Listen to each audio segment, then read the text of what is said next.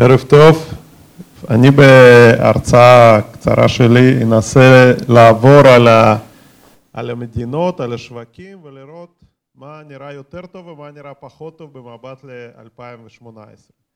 אנחנו נמצאים במצב שמצד אחד אם אני מסתכל על הכלכלה, על הנתונים כמעט בכל מקום, תכף נראה את זה, אנחנו רואים שהכלכלה העולמית משתפרת ונמצאת אפילו בצמיחה מואצת. מצד שני אם אני מסתכל על שוק אגרות החוף לדוגמה אני יכול לחשוב שאנחנו במשבר או איפשהו קרוב למשבר לא תמונה מאוד חיובית לפחות על סמך ניסיון העבר שאנחנו מכירים.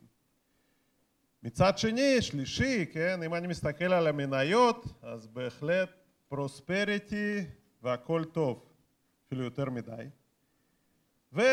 ומשהו שאני לא מומחה לזה אבל כל אחד כמובן יכול להבין שהעולם לא נמצא באיזה רוגע של שום דבר לא יכול לקרות והסיכויים לאירועים הם קטנים העולם לא נמצא במצב כזה.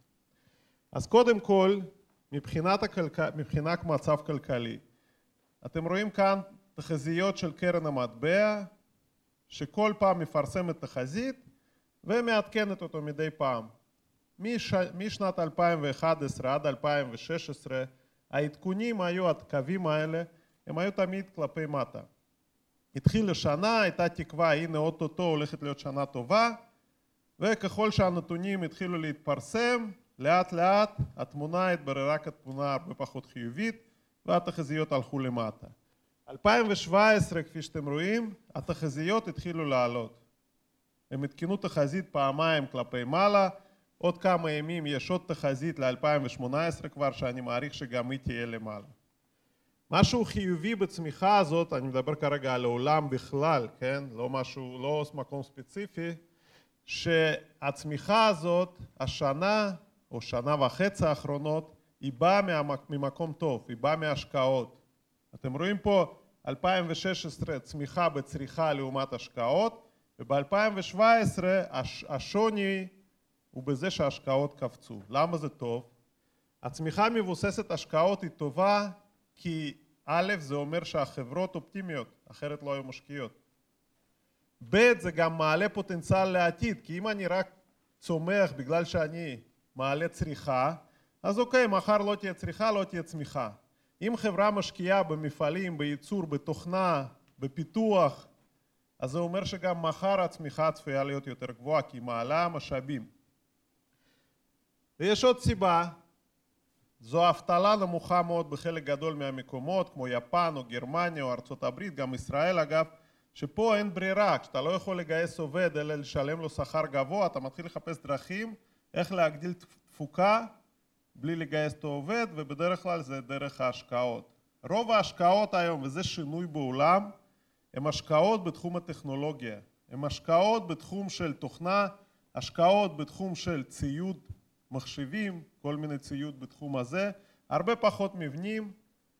אם זה ציוד תעשייתי זה גם ציוד שהוא מאוד מוטה השקעות. זה השינוי בעולם. אם אני מדבר על ארצות הברית קודם כל כמובן ככלכלה הגדולה עדיין הכלכלה האמריקאית באמת צומחת וקצב צמיחה משתפר. מה שצומח שם בעיקר זה כמו שאמרתי על כל הכלכלה העולמית זה באמת ההשקעות. החברות התחילו להשקיע השנה ממש קפיצה בהשקעות. הצריכה גם צומחת אבל בקצב קצת יותר איטי כי אבטלה נמוכה כבר אין לא מיוצרות שם הרבה מאוד משרות.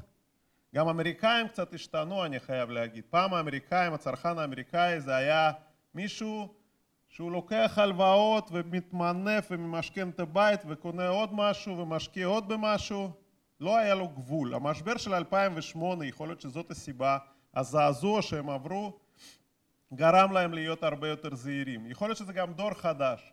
דור חדש מה שנקרא מילניומס מה שאתם שומעים הרבה הוא הרבה פחות מוטה לקנות מוצרי צריכה כבדים כן הרבה פחות מוטה לקנות בתים או רכבים יקרים. זה דור שמשקיע בחוויות חופשות מסעדות טיולים. ואגב כשאתם חושבים על ההשקעות שלכם תחשבו שזה השינוי. זאת אומרת כל התחומים האלה הם תחומים שהולכים כנראה להיות חזקים הנקודה היא שעל רקע כלכלה שהיא נמצאת כבר לפחות במחזור עסקים די מאוחר, זאת אומרת כבר הרבה שנים אחרי המשבר, אבטלה כבר נמוכה, בא נשיא חדש ועשה שם רפורמה במס. אתם מכירים את זה בוודאי, קוראים על זה, שמעתם על זה. הרפורמה במס זה לא דבר רע, זה דבר טוב. רק שהרפורמה הזאת היא הולכת להגדיל גירעון בתקציב הממשלתי בצורה מאוד מאוד משמעותית. השנה עדיין הרפורמה הזאת צפויה לתרום לצמיחה, גם לצריכה, גם להשקעות, כי לכולם יש יותר כסף. אבל ככל שהזמן יעבור כנראה הבעיה של החוב, כי פחות מיסים זה חוב יותר גדול והצמיחה לא מכסה על זה, בדרך כלל, ברוב המקרים, זה אומר שהחוב האמריקאי יגדל. יותר מזה, בדרך כלל לא עושים כזאת רפורמה שמגדילים חוב, שהמשק כבר נמצא במצב של תעסוקה מלאה, כמו שאמרתי, אבטלה נמוכה, וזה מעלה סיכון שהמשק ילך ויצמח קצת יותר מדי מהר. מה זה יותר מדי מהר? זה אומר שאינפלציה תעלה יותר מהר, השכר יעלה יותר מהר, ואז הריבית תעלה יותר מהר, ואז זה יכול להביא בעצם לסוף הסייקל מה שנקרא, סוף, סוף מחזור העסקים. כרגע לכאורה נראה שהבעיה הזאת לא קיימת, כי האינפלציה בכל העולם היא מאוד מאוד נמוכה, וגם בארצות הברית היא יחסית נמוכה, אתם רואים בצד ימין, היא עלתה קצת בחודשים האחרונים, אבל בסך הכל ב-2017 היא ירדה בצורה די חדה. אבל כשאני מסתכל על כל מיני אינדיקטורים קדימה, בצד שמאל אתם רואים הקו הירוק, זה איזשהו אינדיקטור שהבנק המרכזי מפרסם לגבי אינפלציה, האינדיקטור הזה מצביע שאינפלציה בארצות הברית צפויה לעלות.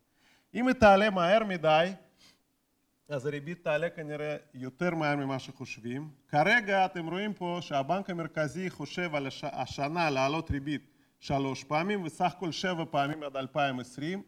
השוק הרבה יותר פסימי, הוא מדבר בסך הכל על שלוש, אולי ארבע פעמים העלאת ריבית עד סוף 2020. אני חושב שאם הייתי צריך לבחור מי צודק יותר, אז כנראה שזה הבנק המרכזי. כי לפי המצב הכלכלי, לפי אותה רפורמה, שה... רפורמה במס שדיברתי עליה, לפי זה שהפד כבר, הבנק המרכזי האמריקאי, לא רק מעלה ריבית, הוא גם בפועל למעשה מוכר אגרות חוב, פעם הוא היה קונה, היום הוא מוכר אגרות חוב, נראה שהמצב של שלוש, אפילו אולי ארבע העלאות ריבית השנה זה בהחלט אפשרי, ובהמשך גם אולי נראה עוד העלאות ריבית.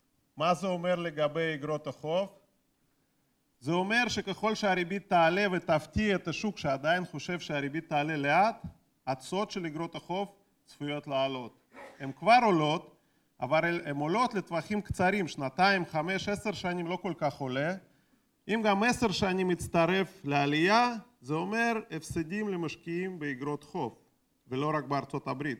בדרך כלל, אם התשואות בארצות הברית עולות, הן עולות בכל העולם. אנחנו בישראל האמת קצת התנתקנו השנה מהתשואות האמריקאיות, נדבר על זה בהמשך, אבל בסך הכל זה הסיכון לאגרות החוב. והתשואות יחסית הן נמוכות, תחשבו בארצות הברית תשואה לעשר שנים היא שתיים וחצי, בישראל זה אחד שבע. אחד שבע לעשר שנים. אנחנו קצת שכחנו, כן?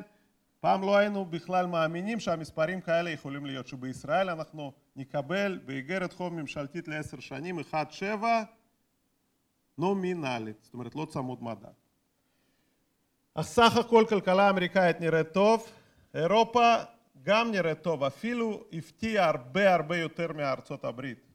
בשנה האחרונה, אם היינו נפגשים בתחילת שנה, סביר להניח, גם אני הייתי אומר, תראו, יש פה בחירות בצרפת ויש פה בחירות בעוד כל מיני מקומות, והכלכלה לא משהו, הרבה סיכונים. בפועל, אירופה הפתיעה לטובה השנה, היא אמורה לצמוח ב-2000, לא אמורה, אלא היא צמחה ב-2017 כמו ארצות הברית, באותו קצב. והמצב רק הולך ומשתפר. אתם רואים פה כל מיני אינדיקטורים, לא משנה, אני לא אעצור בזה, אבל הריבית באירופה, לא רק שהיא לא עולה, היא מינוס 0.4. זאת הריבית באירופה כרגע.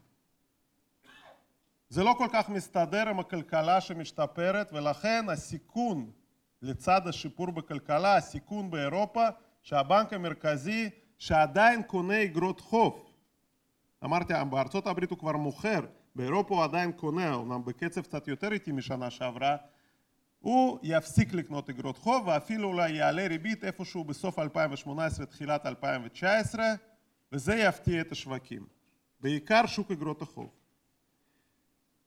זאת הסיבה אגב, וכנראה זאת הסיבה שאנחנו רואים לאחרונה שהאירו מתחזק, כי אירופה מספקת הפתעות יותר גדולות מארצות הברית בתחום הכלכלי. הנתונים שם משתפרים יותר מהר, ואם זה יימשך, כנראה שאנחנו נראה את המגמה הזאת ממשיכה. מדינות מתפתחות, כאן אני אעצור רק במקום אחד, סך הכל השווקים, המדינות מתפתחות הציגו ביצועים, שוק מניות לפחות, ביצועים מאוד טובים בשנה האחרונה, אבל אם אני מסתכל על 2018 אני קצת פחות מתלהב מהם, זה לא שאני מפחד שהם יפלו, כן, הם לא יפלו כשכל העולם הולך למעלה, הנקודה שאני חושש ממנה זאת סין, כי בסין הם מנסים לעשות משהו שקשה לעשות את זה. המשהו הזה זה מצד אחד לשמור על קצב צמיחה ללא שינוי, אפילו לשפר אותו, אבל מצד שני לטפל בכל מיני סיכונים, בועות פיננסיות, יש שם בועות פיננסיות. האשראי בסין עלה בקצב אקספוננציאלי כמעט, כן, בקצב מאוד מאוד גבוה בעשר שנים האחרונות. יש שם, אתם קראתם על זה ושמעתם על זה, נדל"ן שנבנה בלי צורך, כל מיני השקעות לכל מיני, בכל מיני חברות שלא כל כך יודעות כנראה או יכולות להחזיר השקעות. והמצב הזה הוא מתחיל להפחיד גם את הסינים, כי אין אף מדינה בהיסטוריה שהגיעה לעלייה כל כך מהירה באשראי בפרק זמן כל כך קצר ולא בסוף קרה לה איזשהו משבר או איזשהו... אז יכול להיות שלסינים זה לא יקרה אגב, סין זה משהו מיוחד, זה לא כמו כל מדינה אחרת, היא מתנהלת אחרת. ובכל זאת, ובכל זאת הם מנסים גם לשמור על קצב הצמיחה וגם להוריד סיכונים פיננסיים, זה לא הולך ביחד.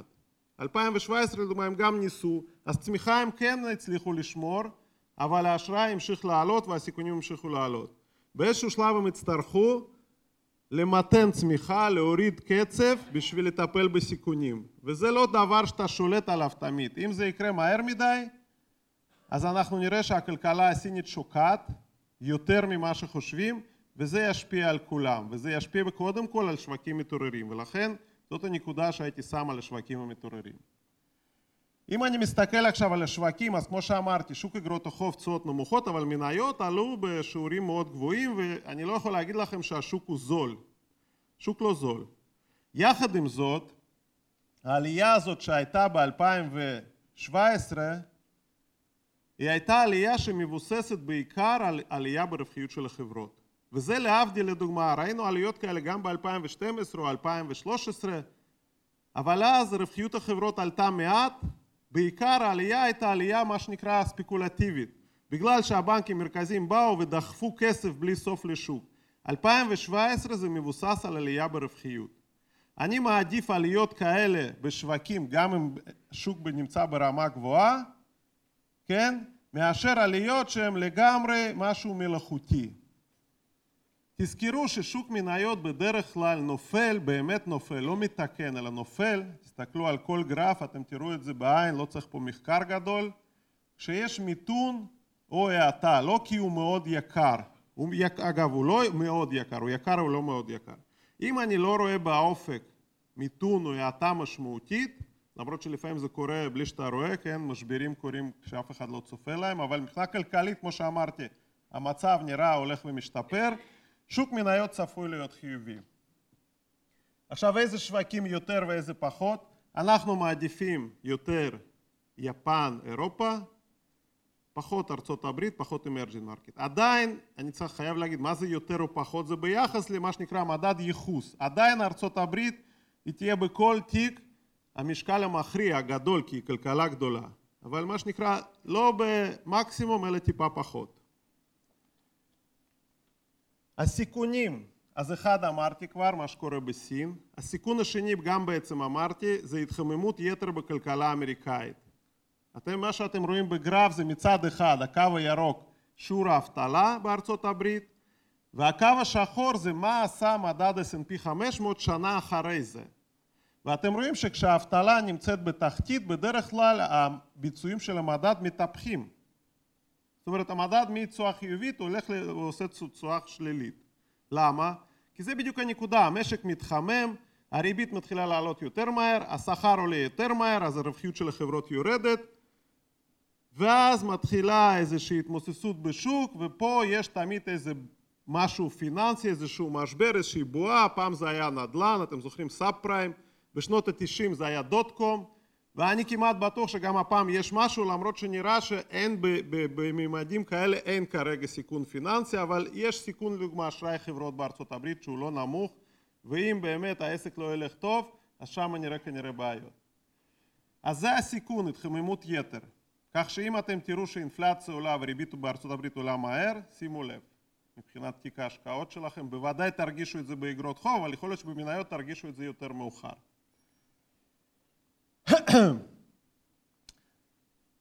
אה, משהו שהייתי שם לב אליו, אנשים אוהבים אה, לפחות בשנים האחרונות ללכת ולהגיד אוקיי אני אקנה מניות בארצות הברית או לא משנה באיזה מקום מניות שמחלקות דיבידנד קבוע, זה משהו יציב, במקום אגרת חוב שמשלמת לי גרושים, אני אקנה מניות דיבידנד.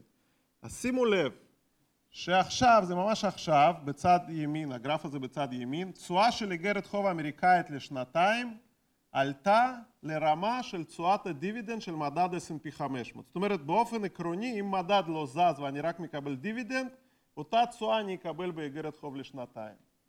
זה לא מצב רגיל, כן? ולכן אנחנו רואים שככל שהתשואות עלו בארצות הברית, מניות דיבידנד, ובצד שמאל אתם רואים את זה, זה לא הביצועים שלהם, זה היחס בין ביצוע של מדד הדיבידנד למדד הכללי. ואתם רואים שהיחס הזה הוא הלך וירד, זאת אומרת מניות דיבידנד השיגו תשואה יותר נמוכה מהמדד הכללי, כמעט ב-15% אגב בשנה האחרונה. ככל שהתשואות עולות זה מתחיל להפריע לשוק מניות, בעיקר כרגע למניות דיבידנד.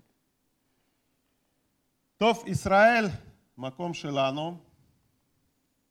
אנחנו בסך הכל לא, לא, לא נפגענו מהמשבר, עברנו די טוב שנים אחרי המשבר, יותר טוב מהמדינות האחרות, אנחנו ממשיכים לצמוח, אבל אני חושב שב-2017 כבר ראינו שהצמיחה אצלנו התמתנה וב-2018 אנחנו נראה שהיא מתמתנת עוד קצת. למה? סיבה אחת היא סיבה רגילה, זאת אומרת משק שבאמת מגיע לאבטלה מאוד נמוכה וגם אנחנו הגענו לאבטלה מאוד נמוכה, פשוט מייצר פחות משרות. פחות משרות זה פחות הכנסות וזה קצת פחות צריכה פרטית, אז זה משהו סטנדרטי. נקודה שנייה היא, תראו, אנחנו נמצאים כנראה, כנראה בסוף מחזור של שוק הנדל"ן. אתם רואים שהנתונים מראים שיש ירידה בכמות העסקאות, התחילו להופיע אפילו סימנים שהמחירים קצת יורדים, אבל בוא נגיד לא יורדים אבל עולים הרבה פחות, יש פחות התעניינות של המשקיעים, זה מצב שהוא בדרך כלל בכל מדינה אחרת בעולם מוביל להאטה בצמיחה. כי א' אין השקעות, כן? אם יש בום בנדל"ן אז בונים בתים ויש השקעות יותר. שתיים, יש אפקט העושר, אם הבתים עולים, מחירי הבתים עולים, אנשים מרגישים יותר עשירים ואז מבזבזים יותר כסף. עכשיו אנחנו נמצאים במצב די מיוחד בישראל. בישראל. ב-2007 היו בישראל רק 2.5% של משקי הבית שהחזיקו דירה להשקעה. ב-2016 זה הגיע כמעט לעשרה אחוז. ממשקי הבית מחזיקים שתיים או יותר דירות בבעלותם, זאת אומרת דירות להשקעה. מה זה אומר? שאם קניתי דירה ואני משכיר אותה והמחיר שלה עולה, אני מרגיש מצוין. אבל אם קניתי דירה במקום נידח, שהיום שם יש פרויקטים שמסתיימים והדירות יוצאות להשכרה למכירה ואין בדיוק הרבה שוכרים ואין הרבה קופצים לקנות אותה במחיר יותר יקר ואנשים השקיעו אולי גם לקחו משכנתה מתחילים להרגיש את זה וזה גם פוגע באפקט העושר של המשקיעים ולכן בסוף גם הצריכה יורדת קצת. נקודה נוספת היא שחוץ משכנתאות, אנשים גם לקחו הרבה הלוואות, סתם הלוואות, כן? הלוואות לרכב, הלוואות לנסיעות לחו"ל, למה לא? הריבית הייתה בחלק מהמקומות פריים מינוס חצי, פריים, מה זה פריים היום? 1.6, מה זה הריבית הזאת? בואו ניקח הלוואה. אז לקחו, לקחו הלוואות, אתם רואים בצד ימין גרף שם שמראה יחס בין חוב משקי הבית לתוצר והוא עלה בהחלט ואז מתחילים להרגיש קצת עדף, קצת מה שנקרא לקחנו יותר מדי. זה בא לידי ביטוי לדוגמה בצד שמאל אתם רואים פיגורים במשכנתאות זה מתחיל לעלות קצת, זה לא קטסטרופה, אנחנו לא סאב פריים בוודאי, כן? אבל זה מתחיל לעלות כי חלק מתקשים להחזיר הלוואה, אולי חלק מהם קנו דירה להשקעה, מתקשים להשכיר או למכור אותה. זה קורה גם בכרטיסי אשראי, זה קורה גם בבנקים, ולכן כשאתם מסתכלים בצד ימין, גידול, קצב גידול באשראי צרכני שלא לדיור, ירד, אתם רואים, ירד בדי, בדי מהר. מה זה אומר? זה אומר גם פחות צריכה פרטית. ונקודה אחרונה, מדוע אני חושב שהצמיחה תהיה יותר איטית, זה מה שנמצא היום בכותרות, שקל. שקל חזק מתחיל להיות כואב. כואב ליצואנים, בוודאי בתעשייה מסורתית, אבל גם למה שלא שמענו אגב, אני חושב לפחות ככה זה נראה לי אף פעם, זה שאנשי הייטק מתחילים גם כן להתלונן ואנחנו רואים כותרות שזה גם פוגע בהם. מה לעשות, הם, קשה להם להביא השקעות מחו"ל שהשקל כל כך חזק, השכר של המתכנן, המהנדס מחשבים ישראלי, גם ככה עולה וגם כשהשקל מתחזק אז אנחנו אולי משלמים כבר קרוב למה שצריכים, מה שמשלמים בארצות הברית, אז למה להחזיק פה? רק בגלל שיש לנו איזה מוח יהודי, כן? לא תמיד זה מוח שמצדיק את זה.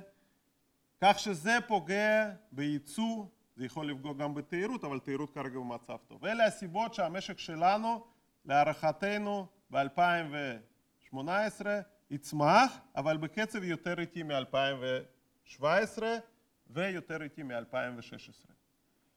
אינפלציה, פה אתם נתקלים בוודאי בשאלה לקנות אגרות חוב צמודות או לא צמודות, אתם רואים איפה האינפלציה נמצאת, היא כרגע בקצב 0.4 ב-12 חודשים אחורה, פעם ראשונה אינפלציה חיובית בשלוש שנים, ארבע שנים האחרונות, אבל כשאני מסתכל על האינפלציה ואני מדבר על צמיחה יותר איטית, אני לא חושב שאנחנו הולכים לאיזו אינפלציה יותר גבוהה. אני חושב שנשאר בתחום הזה מתחת ליעד של אחוז אחד, כך שאני לא הייתי הולך ושם יותר מדי משקל על אגרות חוב צמודות, אלא אפילו לטובת השקלים הייתי שם יותר.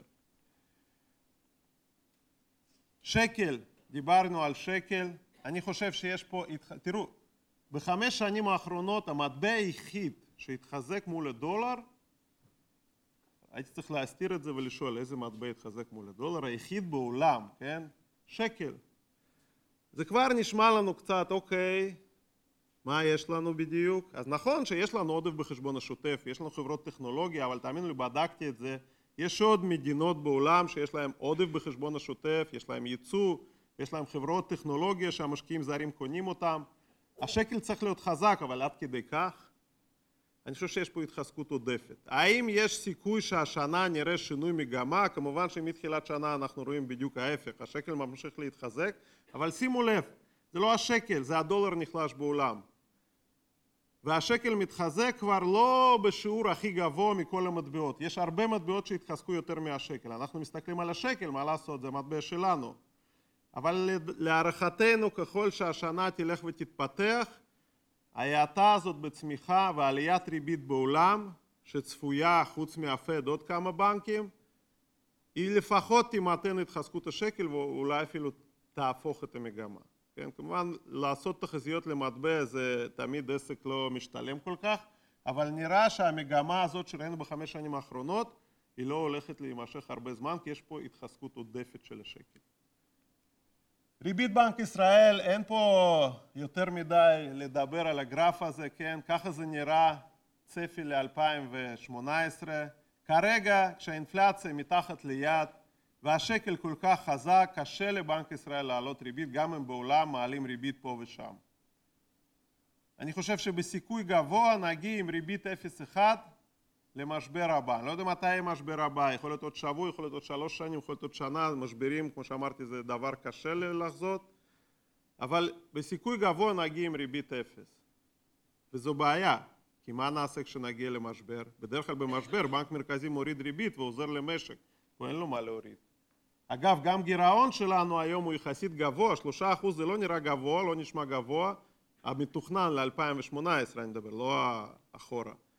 אבל זה גירעון גבוה שהמשק נמצא בשיא מחזור הכלכלי, באבטלה כל כך נמוכה, כי אם יקרה משהו, מהר מאוד נעלה לגירעון הרבה יותר גבוה. אני יכול להגיד לכם שב-2007, לפני המשבר 2008, היה גירעון אפס. וזה מאוד עזר למשק לעבור את המשבר. ולכן הפזרנות של היום, שמפזרים די הרבה כסף בקלות יחסית, היא מצוינת, היא טובה היום, יכול להיות שנשלם על זה אחר כך ביוקר, אבל הזמן יגיד.